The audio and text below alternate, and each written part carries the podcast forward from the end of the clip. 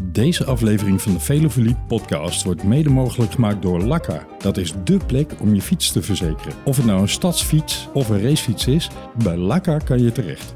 Bij Lakka betaal je een flexibele maandelijkse premie met een van tevoren bepaald maximum. Het mooie van Lakka is dat je ook in het buitenland verzekerd bent. Ga je tijdens het mooie weer de bergen in het buitenland opzoeken? Dan kan je met een gerust hart op pad, omdat Lakka's dekking geen grenzen kent. Surf dus als de brandweer naar lakka.co zonder m slash nl. Dat is laka.co slash nl en verzeker je fiets. Door naar de show. Buongiorno Giro. Ik ben Peter Winnen en je luistert naar de Velofolie podcast.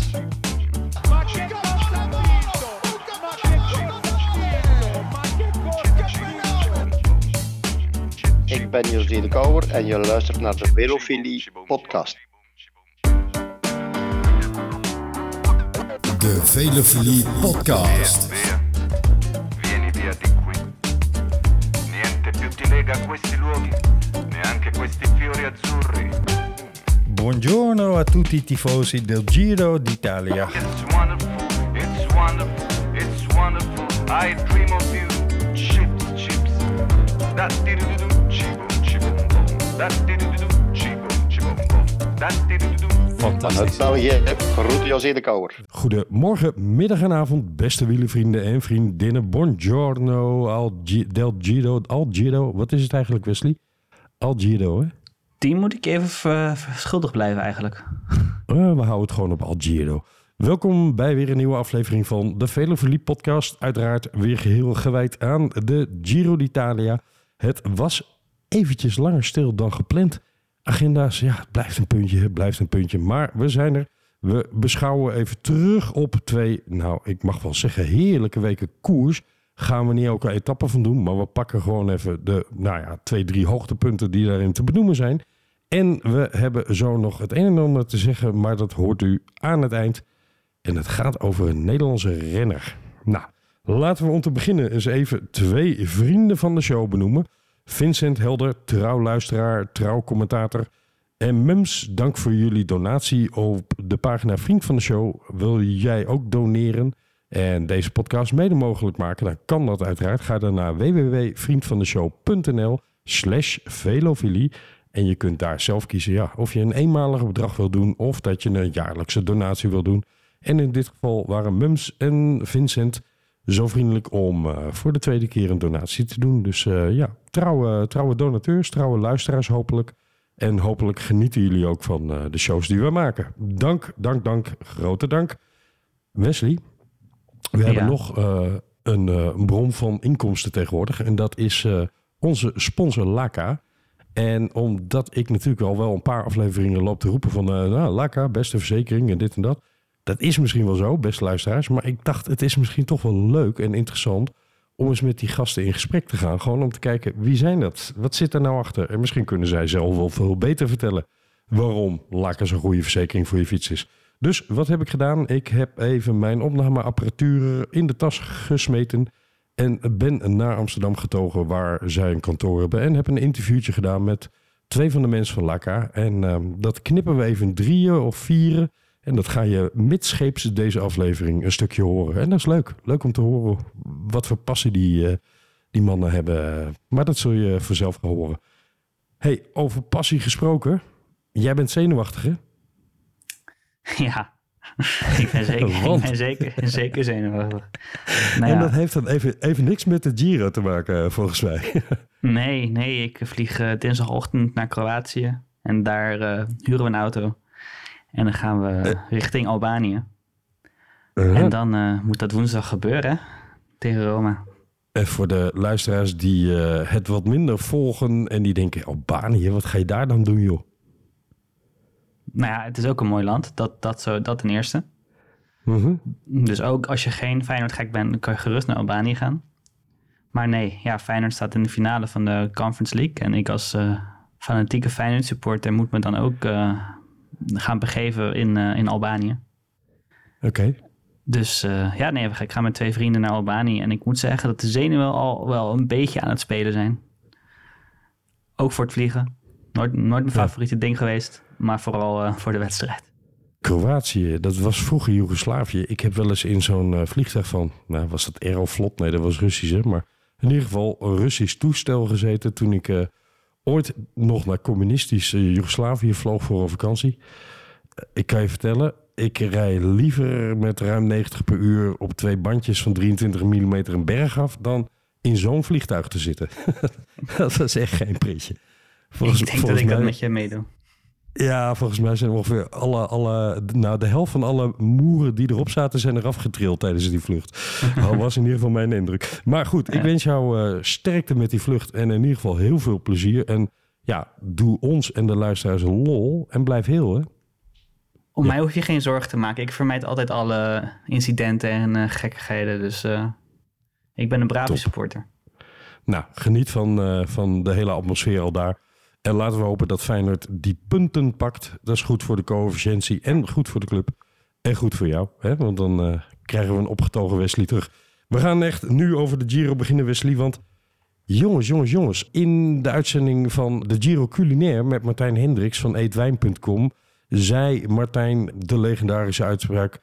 de Giro stelt nooit teleur. En dat is wel de gevleugelde uitspraak van deze Giro, hè? Nee, en ik moet zeggen dat dit, dat komt eigenlijk vooral door de renners dit jaar. Je hebt, je hebt Zeker. vaak dat de organisatie een parcours neerlegt en dat de renners daar niet heel veel mee doen. Nu is dat de laatste jaren al iets minder, want het is vaak feest qua, qua koers. Maar ik bedoel, qua bergen hebben we eigenlijk nog bijzonder weinig gehad deze Giro. Eén, één bergetappe Ja, nou, in dus, ja, nou, de Etna, ja, Ja, quasi bergetappe. oké. Ja. Eh, ja, Blokhuis, ja, dat kan je moeilijk geen bergetappe noemen. dat is gewoon een monster van de beklimming. Ja, dat was wel een pittige, ja. Ja, Maar, jij, maar- bedo- jij bedoelt eigenlijk te zeggen... die renners die maken gebruik van de faciliteiten... die eh, de Giro-organisatie ze aanbiedt. Namelijk een werkelijk schitterend parcours. En ze maken er ook een feest van. Nou ja, het schit, schitterend parcours, dat ben ik niet helemaal met je eens. Want er zijn wel heel veel quasi vlakke ritten. Oh, Waarvan je denkt van, nou, dat kan een sprint worden of niet. Maar goed, we gaan het zo over onze favoriete ritten hebben. Nou, er hoeft maar een brug in het parcours te liggen en het is feest. ja, daarom. Ja, Ik, ik snap wat jij zegt. En tegelijkertijd, hè, ik, ik deed nog voorafgaand aan de Giro de uitspraak. De Giro is meer klassiek. Ehm, ik kom er toch een beetje op terug hoor. Want als je ziet wat voor parcoursen er uitgetekend zijn. Eigenlijk is er nu op dit moment, we zitten op de tweede rustdag in de Giro. En, en ja, in wezen is er een, een, een flinke entscheiding geweest op, in etappe 14. Maar is er nog steeds niet heel erg duidelijk sprake van... nou, er is er eentje die steekt er zo ver bovenuit. En dat heeft met een aantal zaken te maken. Waarschijnlijk omdat er geen echt bovenuit steekt. Maar zeker ook omdat het parcours tot nu toe selectief... maar niet ultra selectief geweest is. En dus was het aan de heren coureurs om er eh, ja, eh, energie in te stoppen of niet... om dat te doen. Je ziet bijvoorbeeld Richard Carapaz... die in etappe 14 de roze trui pakte zie je eigenlijk bij elke finish proberen, nou, toch nog even een speurtje. Eh, even kijken of ik nog bonificatieseconden kan meetroggelen. Lachen toch? Ja, vandaag was het zo dat. vind ik op zich best wel heel, heel creatief bedacht eigenlijk. Dat, Ja. Dat Carapaz inderdaad nog eens één of twee seconden wilde wegsprinten bij, eh, bij zijn concurrenten. En dat Ineos dat had bedacht door een eh, knecht van eh, Carapaz in zijn remmen te laten kn- knijpen. Zodat de concurrenten dus ja, achter iemand zat die aan het remmen was en Carapaz er vandoor kon gaan. Alleen de jury heeft dat dus teruggedraaid, waardoor Carapaz alsnog in dezelfde tijd staat. Ja, vind Precies, ik best wel maar- grappig. Het, het, ze worden uitgedaagd om, om dit soort grappen uit te halen. Want eh, hè, elke seconde is er eentje die telt. Ehm, Ja. We hebben de luisteraars verlaten na het openingsweekend, na de eerste drie etappes in Hongarije. We gaan niet door alles heen. We gaan even twee highlights van deze Giro. Ik moet je bekennen, ik heb eigenlijk elke dag wel eh, bijna integraal gekeken. En ik heb wel genoten hoor. Zelfs van die ene hele saaie sprintetappe. Ja, die was even lastig. Maar goed. Maar voor de rest was het, eh, vond ik goed te doen. Eh, spannend, leuk. Vol strijd om in die kopgroepen te geraken. Elke dag bijna weer. En ja, af en toe bizarre uitkomsten hè, van eh, de laatste etappe die Demar wint, waarin ja, de kopgroep met Eenkhoorn, eh, nou wat was het, Eh, 100 meter van de finish, 200 meter van de finish Nou, teruggepakt wordt? 6, 6, 6, 700 meter. Vijf. Ja, Eh, ik maak het iets spannender dan het was, maar het was wel spannend. En het was ook wel dat je zegt, goh, wiel, wielrennen in optima forma. Want je zag het gelinkerbal en je zag het gekloot en je zag een, een ogenschijnlijk ongenaakbare voorsprong waarmee ze het makkelijk hadden kunnen redden. Uiteindelijk in duigen vallen. En je zag ook een verschijnsel, namelijk dat twee coureurs die eh, bevriend met elkaar zijn, ja, toch vol achter elkaar reden. eh, onder het motto: jongens, eh, we zijn hier niet met het spelletje knikkeren bezig. Hè. Dit gaat gewoon om de knikkers. En dat vind ik mooi, mooi om te zien. Wat, wat was voor jou, Wesley, een van de hoogtepunten tot nu toe? Kan jij er een etappe uitlichten? Ja, nou ja, ik, ik had natuurlijk graag over etappe 14 willen praten, maar dat, ja, jij was me voor. Ik gooide Dus- hem in de groep en jij reageerde niet snel genoeg. Dus Nee. ik denk, nou, dan kaap ik hem. Nee, nee, luisteraars, als je na 10 minuten niet reageert, dan zijn al je vakanties voorbij bij Camille. ja, absoluut. Dat is hoe het werkt. Nee, eh, nee ik kies ik voor rit 10. Het, eh, de etappe waar Girmay en Van der Poel met elkaar uitvochten in de sprint. Ja, Ja, dat, het is een etappe wat gewoon historisch is natuurlijk. Een etappe die de eerste keer dat een eh, zwarte Afrikaan een etappe in een grote ronde wint. En dan op die manier. Ik bedoel, hij verslaat Van der Poel. En Van der Poel is, is geen kleine jongen, dat weten we allemaal wel. En, en zeker in, in zo'n sprint niet. Dus ja, ik vond het echt geweldig om te zien.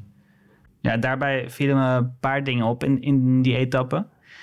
Ten eerste, Lotte Soudal dacht dat Ewan, die de hele Giro al geen brug overkwam, afgezien van de eerste etappe, dacht even dat Ewan al die heuvels zou overkomen en, en rijdt gewoon 100 kilometer in dienst van Ewan. En dan eerst de beste 100 meter die bergop gaan. Ewan ligt Boei. eraf. Ja, dat vind ik, dat vind ik leedvermaak. ja nog voor de Manx Missile, hè? Ja, Ja, ja. dus als je lost voor Cavendish, dan weet je echt dat, je, dat, het, dat niet goed zit. Nee, want Kev heeft ook alles behalve zijn klimmersbenen meegenomen. Nee, die, volgens mij zijn die kwijt. Die, die, die Ja. komen niet meer terug, denk ik. Die liggen Ehm. nog in eh, Hongarije of zoiets. Maar Ja. ja, ja Dat was het eerste dat me opviel en waar ik wel een beetje om ge- gelachen heb. mhm. Vervolgens eh, ja, wordt, het, wordt het best een zware koers. Eh, Jumbo-Visma die een poging waagde met eh, Tobias Vos en in dienst van Eekhoorn eigenlijk. Maar Eekhoorn net niet mee kon. Ja, en dan voor- vervolgens moet Bouwman sprinten. Nou ja, was niet een geslaagd plannetje, maar ze probeerden wat. ja. Maar wat me eigenlijk het meeste opviel is dat Van der Poel alleen zat. En Germay met Wanti. Die zaten gewoon nog met een halve team in, in die groep van wat, 20 man? Iets bedoel- overdreven, maar ze hadden vier man, geloof ik, ja. Ja, dat is toch het halve team? Eh, ja, dat is waar. ja. ja. ja, je hebt gelijk. Ja, maar goed. Nee, maar ja, nee, dat, maar dat is ook waar Van der Poel zich over beklaagd heeft, hè, na afloop. ja zeker, ja. ja En van een dag daarna ging Dries de Bond solo op pad. Of eh, daarna in een kopgroep. Maar dat je denkt, hé, hey, had dat dan gisteren gedaan.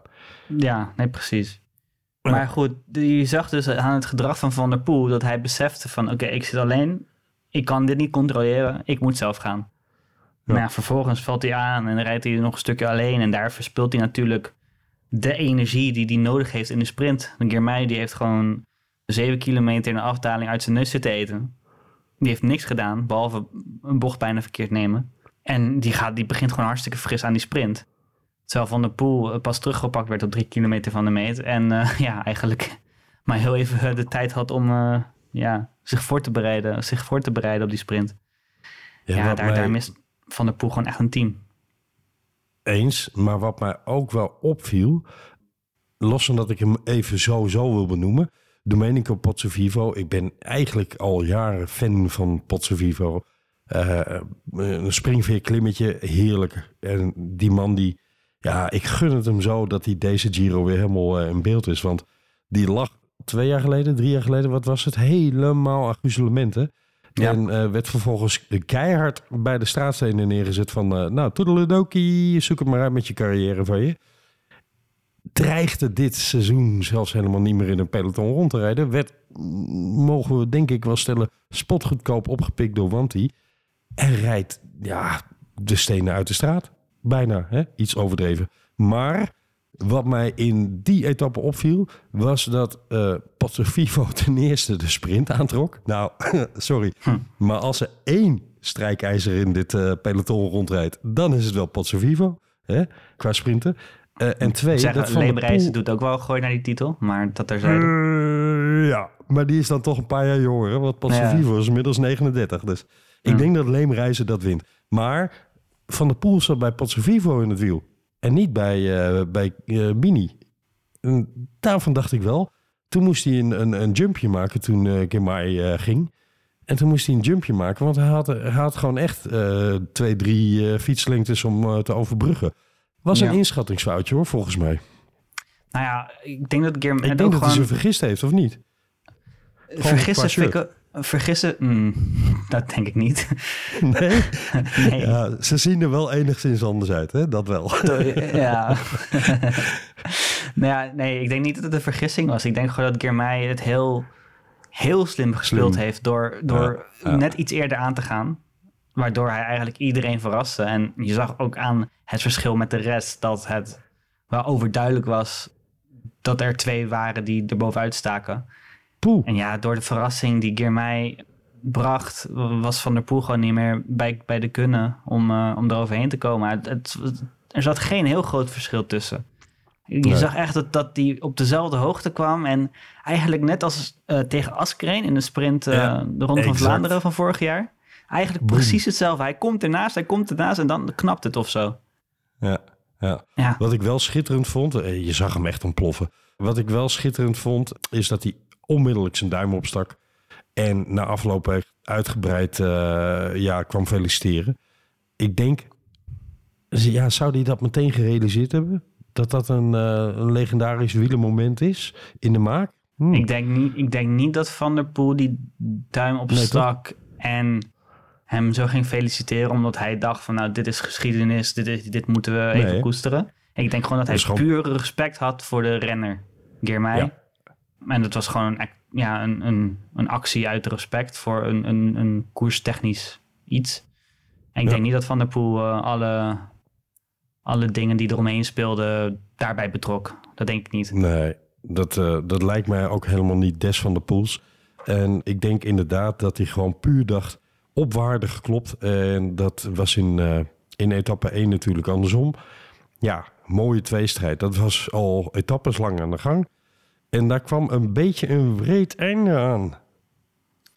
Oh, ik was daar ziek van. Ik had hem ook in mijn Scorito-pool. hè, Echt. Ik ook. Ja, Ja. weet je hoeveel punten die me opleverde? En dan wordt hij eruit geschoten Ja. door kurk. Hij was eh, de, de, de allerergste best scorende coureur op dat moment. Beter nog dan Van der Poel, absoluut. Ja, ja. Die kurken, nou, daar is al eh, diverse dingen over gezegd. Maar ehm, één ding is in ieder geval wel duidelijk. Eén, wielrenners kunnen gewoon geen Magnum fles omhoog houden. Dus doe dan een iets kleinere. Als je best wil dat die, eh, die fles eh, opgetild wordt. En twee, ze hebben geleerd, want ze hebben inmiddels de flessen ontkurkt op het podium staan. Net zoals ze dat in de Formule 1 doen. Maar het is wel een paar keer bijna misgegaan. Van der Poel, Yates, Bouwman en Bini. Ja, het waren allemaal min of meer het slachtoffer van eh, wild ontploffende kurken. Of moeten we gewoon zeggen, die heren coureurs die kunnen nog geen champagnefles openen. Ja, ik, ik denk toch dat ik met de tweede moet gaan. Je, ik bedoel, je weet toch ook wel dat dat ding eruit gaat schieten? Ja, het is niet heel slim om er recht boven te gaan hangen. Nee. Maar dat gebeurde dus verschillende mensen. Enfin, Ja. doodzonde dat hij er op die manier uitging. Die komt wel in, nou, ik durf te wedden, in elk sportjaar overzicht terug. En Hm. die schaar ik wel in de, hoe moeten we dit formuleren? De sportblunders van de eeuw, zeg maar. Ja. Ja, zoiets, ja. Ja. Zonde, want die man die reed een fantastische Giro. En even... ehm, Moet hij naar de Tour? Wat is... Nee. Nee? Nee, nee. nee. Laat, hem, eh, laat hem even rustig bijkomen naar de, naar de Giro. En ga hem niet meteen oproken. Nee, laat hij dan misschien de voor altijd gaan doen. Maar volgend jaar de Tour. Hé, hey, maar wat is Wanti fantastisch aan het rijden, joh? Ja, ik kan me nog herinneren dat we vorig jaar een eh, gesprek hadden over, dus aan het begin van vorig jaar een gesprek hadden over welke, wat verwachten we van bepaalde teams en wat verwachten we ook niet. En ik kan me nog herinneren dat ik naar de lijst van renners keek van Wanti en ik denk van ja, als zij vijf keer winnen, dan moeten ze zich eh, gelukkig prijzen. Dat was natuurlijk vorig jaar. Maar als je het vergelijkt met dit jaar, dan, dan is dat echt een wereld van verschil. Ik bedoel, je hoeft maar de tv aan te zetten en want die rijdt vooraan. En dat is eigenlijk al heel het jaar zo. Huh? En Want, uh, eh, ook Potso Vivo twee- en Hiert. Ja, ik bedoel- wou zeggen, twee man bij de beste twaalf hè, eh, op de tweede rustdag in de Giro. Ja. Dat, is toch, eh, dat is toch wilde voor een ploeg als, als Wanti. Ja, complimenten. ja, die hebben Hey. echt iets goeds gedaan. Buongiorno Giro. Ik ben Peter Winnen en je luistert naar de Velofolie podcast. Ja, top etappe Wesley. We gaan snel door naar nou, wat toch echt absoluut wel een hoogtepunt van deze Giro is. En misschien wel van de laatste drie, vier Grand Tours die er überhaupt geweest zijn. Etappe 14, daar gaan we het even over hebben. Maar niet nadat we eerst even geluisterd hebben naar een interview met onze sponsor Laka. Want wij waren benieuwd, wie zit er nou achter die firma? Altijd leuk om even handjes en voetjes te geven aan eh, wat we aan het begin en in het midden van de uitzending altijd roepen. Dus luister aandachtig en eh, we zijn zo terug. Laka is de ideale verzekering voor je fiets. Of je nou een racefiets hebt, een bakfiets, een e-bike of een gravelbike, het maakt niet uit. Maar weet je, ik kan je dat wel vertellen, maar misschien kunnen de mensen van Laka dat zelf beter doen. Wie heb ik vandaag aan tafel zitten? Hey Camille. Ik ben Christian van Lakka en eh, verantwoordelijk voor de marketing. Heel goed. En ik ben Joost van Laka. Goedemorgen. Ik ben eh, in Nederland verantwoordelijk voor alles operations, eh, klantcontact en dergelijke. Goedemorgen mannen, welkom. Ik dacht, eh, waarom vertellen wij elke keer in de podcast over Laka als ideale verzekering voor je fiets? Nou, omdat dat zo is hè. Maar dat kunnen mensen wel op mijn woord geloven. Maar ze kunnen veel beter van jullie horen. Jullie zijn in Nederland een relatief nieuw bedrijf. Hè? Vrij recent gestart. Maar in Engeland al veel langer een eh, groot succes. Klopt. Kunnen jullie een heel klein beetje vertellen waarom Laka ontstaan is en waarom Laka het nou zo anders doet dan andere verzekeraars? Ja, Laka is ontstaan vanuit de verzekeringsbranche. Onze oprichters komen uit de verzekeringsbranche, hebben daar lang in gezeten, klassieke wereld. Eh, kwamen eigenlijk tot de ontdekking dat het anders kan. Eh, het rare van de verzekeringsbranche is dat er ontzettend veel tegenstrijdige belangen spelen tussen klanten en de verzekeraars. Het uitbetalen van een claim betekent eigenlijk direct dat een verzekeraar inboet op de winstgevendheid. Komt er rechtstreeks uit het winstpotje. Wat eigenlijk een hele rare setup is. Dus dat, daar zat een gat in de markt om klanten beter van dienst te zijn. En Eh, je zegt een gat in de markt, want het gaat er dus om dat Laka iets compleet anders doet dan de traditionele verzekeraar. Namelijk, je betaalt niet vooraf een bedrag, ongeacht of je nou schade hebt of niet. Maar je betaalt achteraf, aan het eind van de maand, een bedrag. Absoluut. Wat dat betekent is dat als er geen claims zijn, wij ook geen geld verdienen.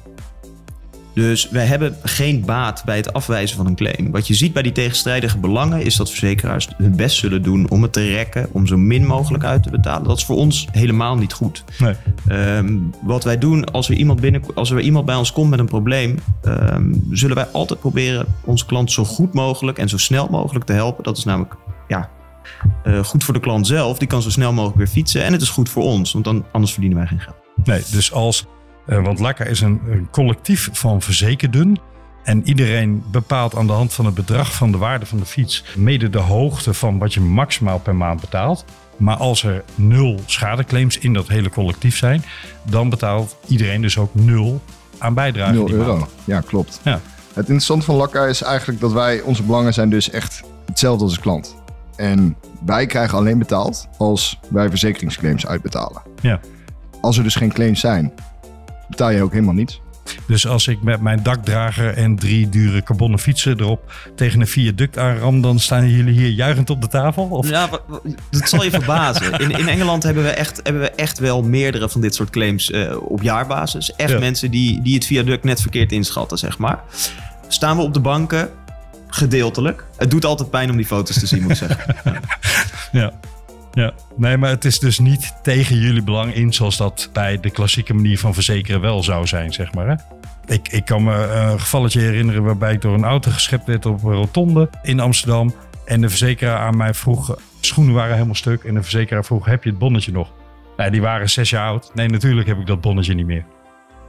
Nee. En wij weten gelukkig, kijk, het is en de tegenstrijdigheid die we eruit halen. Tegelijkertijd zijn de mensen die bij ons claims behandelen enorme fietsgekkies. Ja. Dus die zien zo'n schoen en die weten direct welk model het is. Die weten wat het waard is. Die weten wat het kost. Het liefste regelen we zelfs nieuwe schoenen voor je. In plaats van, eh, van geld om nieuwe schoenen te kopen. Dat is nog sneller. eh, voor ons nog klantvriendelijker. En kan je nog sneller opnieuw op de fiets. Dus Joost, als ik het goed begrijp, het verdienmodel van Laka is anders. Je betaalt achteraf, naar aanleiding van het aantal claims wat er geweest is, een bedrag en niet vooraf zonder dat er überhaupt een claim is. Maar wat is dan het verdienmodel van Laka? Het verdienmodel werkt eigenlijk als volgt. Je betaalt inderdaad achteraf, want achteraf weten we pas hoeveel, hoeveel frames er gebroken zijn in een maand. Hè? Ja, precies. Dus we delen de totale schadelast door het aantal mensen in het collectief. Mhm. Daarbovenop rekenen wij 20% om ons eigen bedrijf draaiende te houden. Oké. Tot zover het eerste stuk van het interview met de mannen van Laka, jongens. We gaan door met de Giro.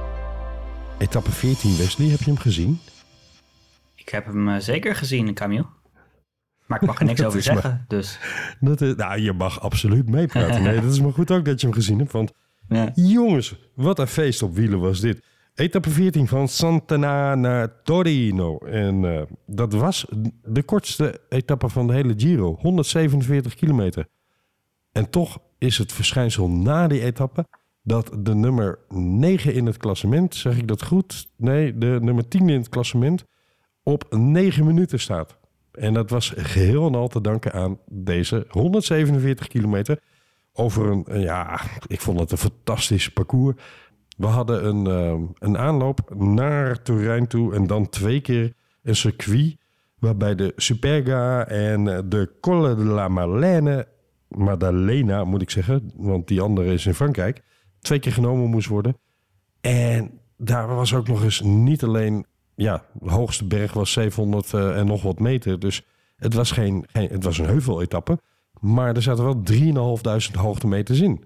Een beetje eh à la eh, de Amsterdam Gold Race, zeg maar. En daar werd een, een fantastisch ploegenspel opgevoerd. Daar werd echt oorlog gemaakt. Zoals je dat graag wil zien als wielenfan. En dat begon eigenlijk, laten we even de etappe bij de kort samenvatting eh, pakken. Nou, het, begon, eh, het glazen begon al met Mathieu van der Poel. Die eh, ja, zo'n beetje vanuit de meet dacht, hm, met die handel. En dat vervolgens 15 kilometer in zijn eentje deed. En toen ja, het zinloze daar ook wel van inzag. Maar het is ook kenmerkend voor het rijden van Mathieu. Dat is ook een van de redenen waarom hij in Italië nu al echt mateloos populair is. Hij blijft gewoon aanvallen. Je ziet hem zo vaak, ook op momenten dat je denkt... oh, is geen Van de Poel-etappe. En toch probeert hij het, probeert hij het, probeert hij het. Geweldig. Maar de etappe kwam echt op gang toen op 80 kilometer van de meet Bora dacht... weet je wat we gaan doen, eh, jongens? We gaan eens in gang schieten. En eh, dat deden ze dusdanig grondig... dat ja, eigenlijk eh, op kilometer 65 we al een behoorlijk aantal slachtoffers hadden... in, nogmaals, een heuveletappe. Valverde miste de slag. Guillaume Martin miste de slag. Hugh Carty, ja, die had al wel meer slagen eh, gemist, deze Giro. Die is echt niet op punt, zoals dat heet. Maar ehm, ja, die, eh, die zat er ook niet bij. Almeida had het er moeilijk mee. Arendsman Ja, was aan het pissen. Aresman was pissen inderdaad. En ehm, Kelderman, die dacht... hey, als we hier toch met ongeveer de halve ploeg... ook in dit geval de halve ploeg... van Boren Hanskro aan het slopen zijn... dan eh, ben ik opperbouwmeester of eigenlijk oppersloopmeester. En die heeft dus één ronde lang op dat circuit... ja, eh, zoals dat zo mooi heet... het hele spul aan gort gereden. Ja, Mm, Vanaf nu. Waar het niet, waar het niet, Wesley... dat het niet het hele spul was... Het hele spul was. Hij eh, reed ongeveer alles en iedereen eraf, behalve zo'n beetje de hele top 10 op dat moment, hè, nog. Oh, ja, nee, ja. Nee, als hij dat ook nog had gedaan, dan... Nee, ik bedoel, Kelderman, jezus. Die ging, eh, die ging op kop rijden en... poeh, zou die nog steeds Ah. eh, op kop rijden? Dat is niet normaal hoe, hoe lang hij zo'n hoog tempo ja, kon bewerkstelligen. Dat is dankzij, dankzij Wilco dat de nummer 10 nu op 9 minuten staat. En ja, vroeger had, had Sky had daar een trein voor, maar nu heb je Wilco Kelderman daarvoor, zeg maar. Ja, precies. ja. Maar je weet dus ook dat als Kelderman, die zegt, die zegt al twee weken dat hij niet goed is. Ja, Nou ja, dan doe je dat. Als je niet goed bent, nou prima. ja precies. En, dan- en dan dus- rij je eh, op de top 10 na rij je iedereen naar huis. Ja, Ja. nee, eh, logisch. Ja, maar na afloop bleek wel dat Kelderman eigenlijk op de Suberca had, had willen aanvallen. Ik ben even kwijt wat er gebeurde, waarom dat niet gebeurde. Maar er gebeurde iets waardoor hij eh, een andere ploegopdracht kreeg. En ik vond eerlijk gezegd, los van dat het mooi eh ploegenspel was en dat het er tactisch heel leuk uitzag, vond ik het toch niet het allerslimste hoor, wat ze deden. Hoezo niet? Nou, ze zijn Kelderman nu gewoon strak kwijt uit het, eh, uit het klassement. Nou hebben ze wel de nummer 2 eh Jai Hindley en de nummer 7 Emmanuel Boegman nog in het klassement. Maar waarom Kelderman al dat werk laten doen als je ziet dat het resultaat is dat de hele top 10 nog in je wiel zit? Ja, dan heb je wel een punt op zich, ja. Ja, ik, Ja. Ik, ik genoot er op zich wel van. Het bracht wel echt eh, heel Zeker. veel in de koers dat Kelderman zo, eh, zo strak op kop reed. Maar ja, inderdaad, wat je zegt, als hij eh, had aangevallen, had hij zich in een andere positie kunnen nestelen. En had Bora misschien wel meer profijt van gehad dan wat ze nu hebben gedaan. Exact, want uiteindelijk leek Boris zelfs even slachtoffer te worden van hun eigen sloopwerkzaamheden. Toen Carapaz dacht op een kilometer of 30 van de meet. Weet je wat ik doe? Ik ben er vandoor. Toedels. En weet je waarom hij op ongeveer 30 kilometer van de meet in etappe 14 er vandoor ging? Nee, vertel. In welke etappe in 2019 pakte hij de roze trui? Nou, dat zal dan wel de veertiende zijn geweest. Uit mijn hoofd zeg ik de 14e. En weet je nog hoe lang de solo was die hij toen had? 30 kilometer? Ja, hij was stiekem ietsje langer, 35 kilometer. Maar ik denk dat hij dat zo'n beetje als scenario in zijn hoofd had. En dat hij eigenlijk gewoon een soort van bijna komisch schijntje aan het uithalen was. Van eh, kijk mij eens in etappe 14 weer op ongeveer 30 kilometer van de meet. Volgens mij sprong hij voor het eerst weg op 32 kilometer. En toen nog een keer op 30, zoiets. Maar ik, ik durf bijna te zweren dat hij met dat scenario in zijn, in zijn hoofd bezig was. Het viel alleen een beetje tegen voor Carapaz. Want doordat Hindley en nou ja, de werkelijk uit het niets herrezen Vincenzo Nibali... plus Simon Yates hier en daar, omdat die bleven draaien... kwamen ze terug bij Carapaz. En daar, eh, daar, Nibali sprong er ook nog eens vandoor. Hè? En die kreeg eh, vervolgens Yates in zijn wiel mee. En ja, uiteindelijk resulteerde dat in een resultaat wat ik van tevoren min of meer gehoopt had. Want ik had hem als kopman genomen in mijn Scorito. Namelijk dat er drie klassementsmannen, drie mannen die echt wel eh, meededen om de rolstrui op dat moment bezig waren met elkaar. En dat Yates daardoor niet alleen een machtige sprong kon maken op vier kilometer van de meet, maar ook ja, toch iets meer ruimte kreeg dan, eh, dan een van die anderen gehad had waarschijnlijk. En dus kon Yates een mooie victoire vieren. Was niet helemaal genoeg om zijn teleurstelling over een vernachelde Giro goed te maken, zei hij in de afloop. En wat mij eigenlijk nog het meest verbaasde, de etappe dat hij zo'n enorme klap kreeg, daar had hij last van de warmte. Weet jij hoe warm het gisteren in etappe 14 was, Wesley? Ja, het was nog warmer dan dat, eh, dat moment, hè? Zijn zwakte moment. Het was een schroeiend heet, joh. Het was Ja. ruim boven de 30 graden. Dus ja, het- ik geloof het best hoor, dat hij, dit, ja, dat hij minder goed tegen de warmte kan af en toe. Maar het is toch wel wonderlijk dat hij dan zo'n herreizenis ook mee kan maken op zo'n moment. Hij Dus had ja, ook wel last van zijn knie ge- natuurlijk, hè? Ja, eens. Eens. Eens, hij was op zijn knie gevallen. Ehm, Ja. Al zei hij dat dat niet de oorzaak was, hè, dat de warmte echt de oorzaak was. Maar goed, we zullen het eh, maar met een korreltje zout nemen en het op ja, Simon Yates houden, die eh, wat dat betreft toch onvoorspelbaar blijft. Maar wat een feest was deze etappe. Werkelijk echt. Ik geloof dat de nummer 10 van de etappeuitslag ook op ongeveer 10 minuten binnenkwam. Zoiets was het.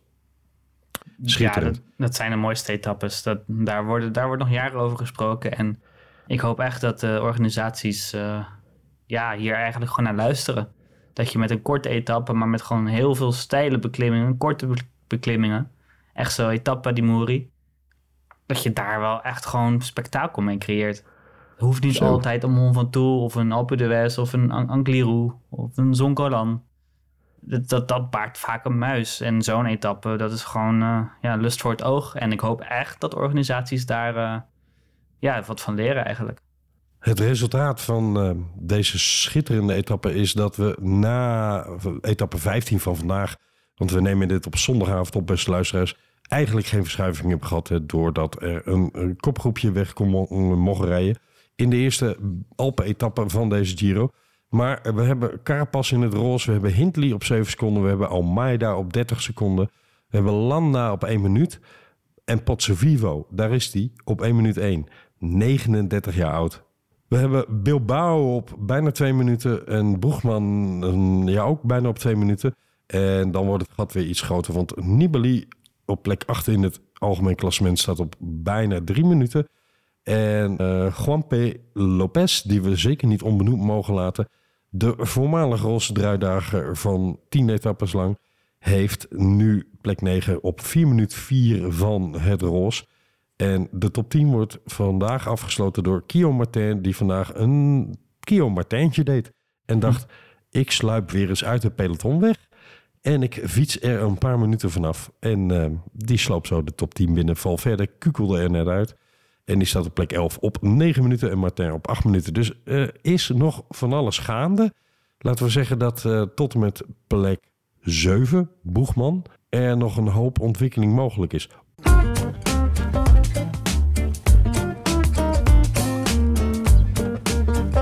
Of, zeg jij Wesley, onderschat jij nu Vincenzo Nibali niet een beetje, Camille?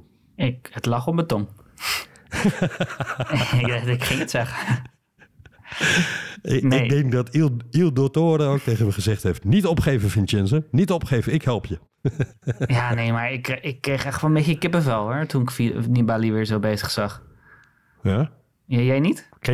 Eh, ja, omdat ik het leuk vind. Hij valt ook gewoon weer aan. Hè. Weliswaar reed hij achter Carapaz aan, maar hij, hij blijft niet gewoon maar in het wiel zitten onder het motto... nou, ik ben al blij dat ik hierbij ben. Nee, hij, eh, hij wilde echt voor die, die, die etappe-overwinning gaan, volgens mij. Ja, ik vind, ik vind het aan de ene kant heel mooi... en aan de andere kant denk ik... wat heb je de afgelopen twee, drie jaar gedaan dan, joh? Ja, hij zei ooit dat de, de corona-onderbreking hem heel, eh, heel zwaar viel. Dus Ja. ja. misschien heeft hij wat tijd nodig gehad om daar overheen te komen. Ik bedoel, eh, uit andere wi- wielrenners blijkt wel dat je ja, vaak niet zomaar in het kopje kan kijken. Daar gaan we het zo nog over hebben. Ja. Maar ik, ja, ik ben blij dat een, coureur als, als Nibali gewoon op zijn, hoe oud is die, 36e? Ja, Dat is gewoon- 37? ja, dan zo, gewoon zo weer kan herreizen en eh, gewoon weer meedoet voor de knikkers. Nou, ik geniet daarvan. Oké, er komt, want in dat opzicht blijf ik wel achter de uitspraak staan dat de Giro nog steeds een klassieke afloop heeft. Er komt namelijk nog een heel zware derde week aan. En ook dat wordt weer genieten. Denk jij dat Nibali daar aan het eind van de derde week nog steeds in de top 10 staat? De derde week van Nibali is eigenlijk altijd de sterkste week van Nibali, hè? Ja, Bij Pozzovivo is dat minder. Pozzovivo die begint vaak goed aan de ronde en kakt een beetje in in de derde week. Dus we gaan zien of dat ook dit keer zo is. er zitten wel twee minuten tussen. Dus eh, hij, Domenico heeft wat speling. Maar nee, daarom Ja. gaf ik hem voor. Nibali wordt eigenlijk alleen maar beter. Ja, en er komt nog zoveel aan. Die twee minuten, dat is echt niks. Er komen bergen aan, joh. Dat, dat, dat, daar wordt met eh, vijf à tien minuten gesmeten. Dat is niet normaal. Ja, er gaat absoluut nog met minuten gesmeten worden. Althans, dat hopen we. Even een gewaagde op de tweede rustdag. Wie denk jij dat we eh, ja, over eh, ongeveer een week in Verona in het laatste roze zien staan, Wesley? Ik vind het heel erg lastig, want het staat nog zo dicht bij elkaar in de top. Mhm. Ik denk Hin- Hindley niet. Ik denk dat Carapaz wel echt wel de grootste favoriet is, denk ik. Maar ik heb een gevoel bij Almeida. Die, die, die rijdt zo gecontroleerd. Die rijdt geen meter te veel op kop. Die, die spaart zijn energie. Ik denk echt dat... eh, dat Al- het zou me niet verbazen als Almeida de roze pakt. En omdat hij... Ik, ik zie hem nog wel iets groeien in de derde week. Hmm. Ik moet wel zeggen, wij hebben, ik geloof zelfs dit jaar nog een keer de gewetensvraag gesteld. Was Hindley een toevalstreffer of in die eh, Giro waarin hij tweede werd? Of was dat toch wel een, eh, een, een bev- Nee, hij werd tweede toen. Maar was dat eh, een toevalstreffer? En toen hebben we geloof ik toch wel iets... Net zoals eigenlijk ja, bijna elke wielervolger... iets onderschat dat Hindley eh, het niveau weer zou aantikken. Heeft hij afgelopen jaar niet gedaan. Maar hij staat er nu wel weer. Hij rijdt makkelijk hoor. Hij heeft een eh, hele punchy eh, sprint eh, na die pittige etappes nog. Maar ik vind Carapaz ook eigenlijk nog wel met speelsgemak rondrijden op dit moment. Die, die is echt aan het spelen met het parcours. Dat zie je in die eindspurtjes. Dat zie je in gekke dingen als ja, in etappe 14 op, op, op ruim 30 kilometer gaan. Ik, ja, die, die, die is echt aan het spelen. Koen Bouwman is ook aan het spelen. Want die heeft de eh, blauwe bergtrui weer teruggepakt. Daarmee gefeliciteerd Koen. En won natuurlijk een schitterende etappe die we helemaal niet benoemd hebben. Maar ja, die is al eh, waarschijnlijk tot in den treuren door iedereen gezien. En daarin reed Jumbo-Visma een prima ploegenspel. En daar was Tom Dumoulin grotendeels bij betrokken en verantwoordelijk voor. En eh Koen Bouwman maakte die etappe schitterend af. Was wel een kers op de verder ontbrekende taart voor Jumbo-Visma bijna, hè, deze Giro tot nu toe. Zo, dat is echt wel... eh, die etappe was eigenlijk de uitzondering op eh, het eh, algehele niveau van Ja. Jumbo-Visma, deze Giro. Want je hebt alleen... Tobias alleen Vos. ja, Oei. je hebt Eekhoorn en Leemreizen, die halen hun niveau. Bouwman Ja. is super explosief. Daarin heeft hij echt stappen gezet. Maar hij heeft zelf al gezegd dat hij in de bergen niet het niveau haalt dat hij vorig jaar haalde. En dat, dat ben ik met hem eens. Maar ook een Sam Omen, die, die, die moet echt alle zijden bijzetten om bij de laatste twintig nog te zitten. Tobias Vos zien we niet. Die, rijdt die überhaupt? Ik weet het niet. Dumoulin afgestapt. Ja, het houdt niet over. Ik, ik, wat, wat is daar gebeurd in de voorbereiding? Dat kan toch geen toeval zijn als het bij iedereen zo is? Mm, nee, ja, ik denk dat daar een stevige evaluatie op komst is. Als ze die al in de Giro doen, dan gaat dat zonder Tom Dumoulin zijn. Want die is inmiddels al vertrokken. En daar wil ik het nog even met je over hebben, Wesley. Chips, chips. Dat.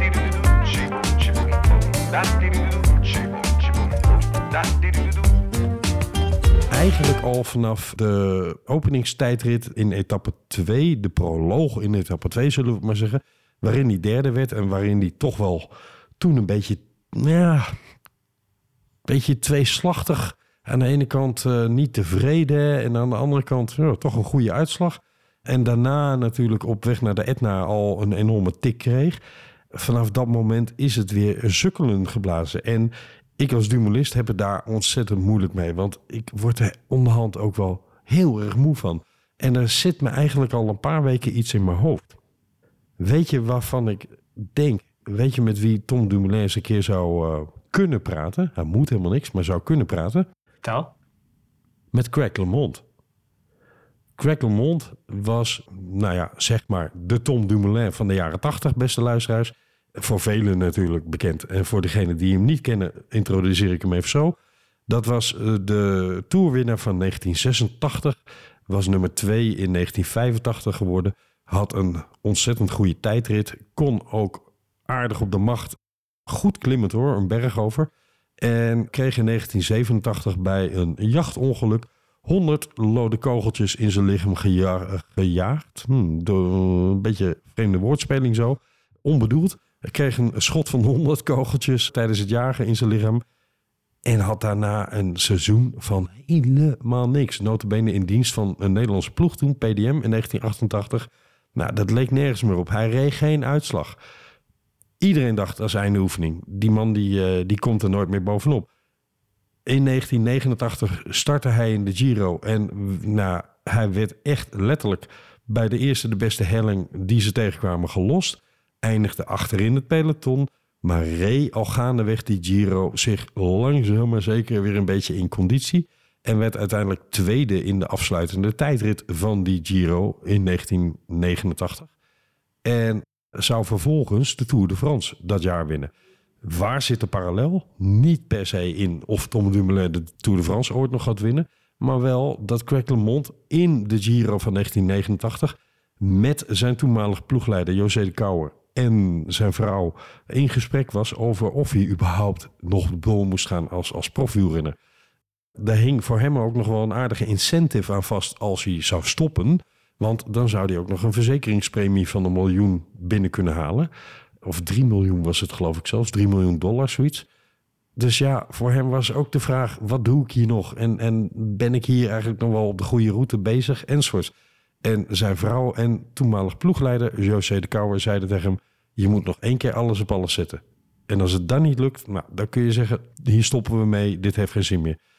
Ik zou willen dat hij dat verhaal, die inspiratie... aan Tom Dumoulin kan overbrengen. Daarmee impliceer je dat het iets mentaals is bij Dumoulin? Nee, ik eh, impliceer dat helemaal niet. Want ik, ik weet 100% zeker dat het van alles fysiek is. Of het zijn knie was, of die parasiet die hij had, of nu weer door zijn rug gegaan. Nou, ik, ik ben zelf toen ik in eh, Frankrijk op vakantie was, eh, s ochtends door mijn rug gegaan, terwijl we naar Disneyland zouden gaan. Ik kan je vertellen, ik weet precies hoe het voelt als je door je rug gaat. Het is echt geen pretje. Maar het zijn allerlei optelsommetjes. Hè? Het, zit elke keer niet mee. En het lijkt alsof ja, dat bij hem toch mentaal ook meespeelt. En ik zou eigenlijk willen dat iemand hem, hem vertelt... joh, ik zat in een eh, misschien nog wel dieper fysiek wak dan jij zat. Maar ik heb me eruit geknokt. Ja, wie weet. Wie weet. Op een of andere manier zie ik daar een parallel in. Of zou er een parallel in kunnen zitten. Ja, ik hoop met je mee. Ik, ik geniet van een Dumoulin. Eigenlijk, ook als hij slecht is. Ik, bedoel, ik vind hem echt een prachtige verliezer. Iemand die gewoon open en eerlijk is. Ja. En eh, wat slecht is, is, is gigantisch slecht. En wat goed is, is gigantisch goed bij Dumoulin. Ik, ik geniet ervan. Maar eh, vooral de wielrenner Dumoulin is een, is een, ja, een museumstuk voor de Nederlandse sport geweest. Geweest, zeg ik. Want op dit moment is dat natuurlijk niet zo. Maar Maar als het een museumstuk is eh, geweest, hoe bedoel Ja, je dat dan? Dan, ik, dan nee, snap ik bedoel meer van dat we dat Dumoulin zo belangrijk is geweest voor het Nederlandse wielrennen in de laatste jaren. Dat we dat eigenlijk een soort van als een stuk erfgoed ehm, zouden moeten eren. Of die nou hier bovenop komt of niet. Ja, Absoluut. kijk, ik, ik geloof er nog steeds wel in. Het begint, ja, Ja. Het begint natuurlijk wel lastig te worden. En nou, vooral voor hemzelf. Ik bedoel, wij zijn fan. En ik zei net al, ik ben Feyenoord-fan. En als fan kan je echt leiden. Geloof me. Ehm, dus natuurlijk vinden wij het, het, het ontzettend jammer dat, dat Dumoulin niet bij de beste meerijdt nu. Maar ik kan me ook wel echt voorstellen dat het voor hem nog tien keer zo erg is. En dat we ja, ook gewoon wat respect Zeker. voor moeten hebben. En ik, ik, ik merk ook dat heel veel journalisten eigenlijk een beetje heigerig erop springen. Met een column hier en een column daar. En, en ik denk van ja, laat hem ook een beetje met rust. Ik bedoel, we weten het nu allemaal wel. Ja, dat, dat, dat ben ik aan de ene kant met je eens. Hè, en aan de andere kant ook voorkomen niet. Hij heeft zelf dit, net zoals die andere 200 in dat peloton, dit vak gekozen. Nou kun je ook zeggen, ja, ik heb dat vak gekozen, maar ik heb geen celebrity status erbij eh, gekozen. Dat, dat is me komen aanwaaien zonder dat ik daar een keuze in had. Maar dat hoort er wel bij. En we kunnen wel allemaal met zijden handschoentjes moeten omgaan, met, omdat het anders misschien wel breekbaar wordt. Maar dat geldt voor een Wilco Kelderman toch ook? Die, die heeft minstens zoveel ellende meegemaakt de afgelopen jaren. Jawel. Nee, ja, maar dat snap ik. Dat ben ik ook met je eens. Maar ik, ik bedoel meer van... eh, ja, ja, om maar een concreet voorbeeld te noemen. Dat er op Wielenflits is er weer een... Maar daarin herhaalt hij al... Wat al twintig keer over Dumoulin gezegd is. En dan denk ik, ja... Nu vervul je niet je waakhondfunctie als, als journalist. Maar ben je gewoon op zoek naar reacties. En nou ja... En dat, dat, dat vind ik echt wel een beetje beetje naar. Ik ben overigens niet met je eens dat eh, sportjournalisten alleen maar een waakhondfunctie hebben hoor. Eh, je bent ook beschouwer. En zeker als je columns schrijft, is het natuurlijk gewoon opinierend. Maar ik snap wel wat je zegt. En, en aan de ene kant ben ik dat ook wel helemaal met je eens. Omdat de mens Dumoulin... eh, nou, ik ken de hele mens Dumoulin niet. Maar de renner die zich soms eh, los van de fiets vertoont... en daarmee als, als de mens Dumoulin in het nieuws komt... Ja, dat lijkt een buitengewoon amabele man. Een buitengewoon weldenkende, ja, goed, goed over het leven kijkende man te zijn.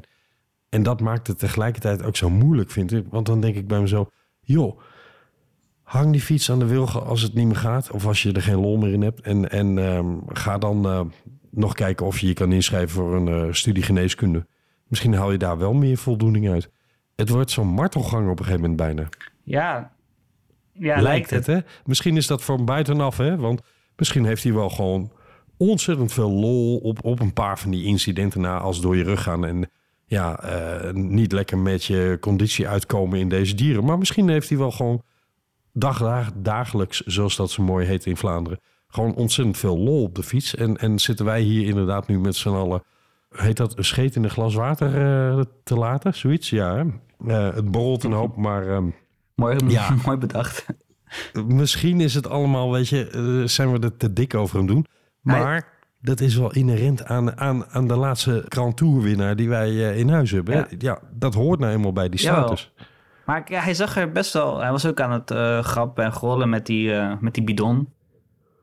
En hij zag... eh, Ja, die etappe die Bouwman won, was volgens mij Dumoulin de sterkste van, van de groep. Maar was het parcours niet, parcours niet selectief genoeg? Of de berg was niet zwaar genoeg om verschil te maken... als je een beetje gebrek aan explosiviteit hebt.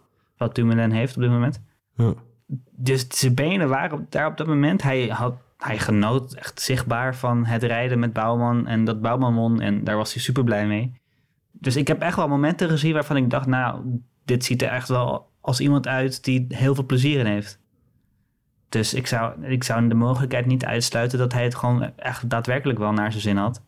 Bouwman zei ook dat Dumoulin aan de eettafel de, de gangmaker was eigenlijk. Dus Ja, er zijn echt wel signalen waar, waaruit je zou kunnen concluderen dat het bij Dumoulin op dit moment toch echt wel meer fysiek is dan het probleem wat hij, waar hij vorig jaar mee zat.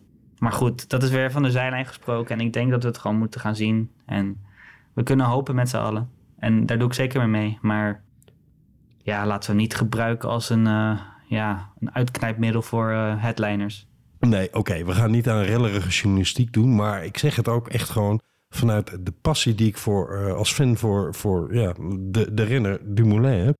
Ik vind dat ik enige recht van spreken heb. Want ik stond ook oh, bij de huldiging in Maastricht toen de tijd. Ja, dan, dan mag je ook een kritische noot kraken af en toe, vind ik.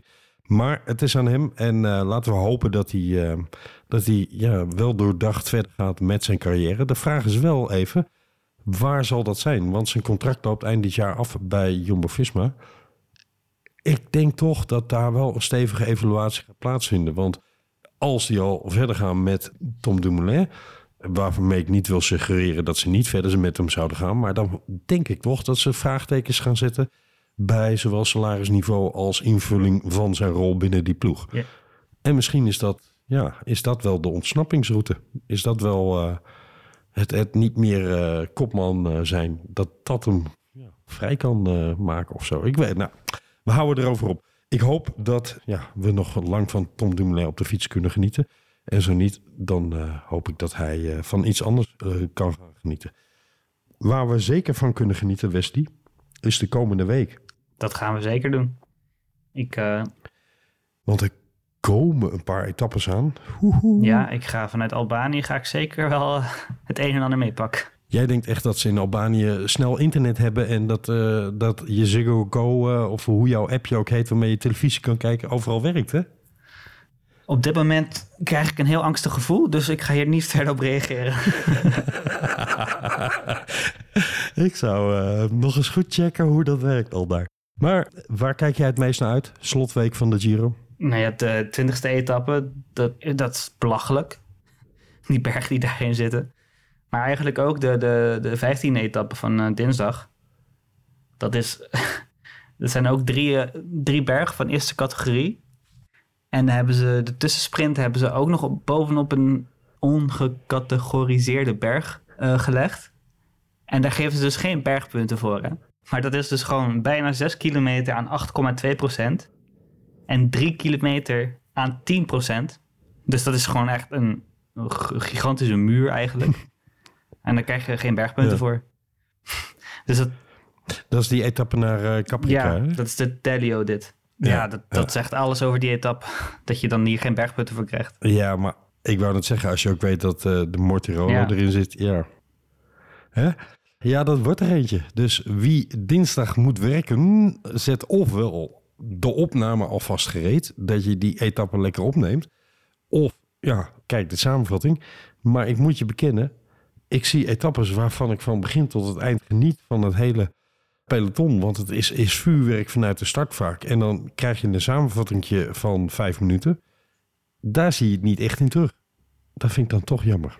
Hadden ze iets, eh, iets beter kunnen doen. Verder is het genieten van eh Karsten Kroon en Jeroen van Bellegem op eh Eurosport, hoor, vind ik. Al dat gezeur over het niveau dit en dat en zus en zo. Overigens, wel leuk om even te vermelden. Ik heb al een paar keer een vraag naar Karsten gestuurd en eh, hij heeft ze ook al een paar keer beantwoord. Maar toen ik recent aan hem vroeg wat zijn ergste valpartij was... en daarbij ook vermeldde wat een van die van mij was... althans, ik vroeg aan hem welke eh, valpartij is je het meest bijgebleven... en betreur je nog steeds het meest... Toen eh, gaf hij antwoord en eh, vervolgens las hij voor mijn antwoord namelijk... over de kop slaan door tegen een reflectenpaaltje aan te rijden... na een criterium in Maastricht... En hij dacht daarbij, criterium, oh, hoop bier eh, in, eh, in het spel geweest. Dus hij begon over eh, alcohol enzovoorts.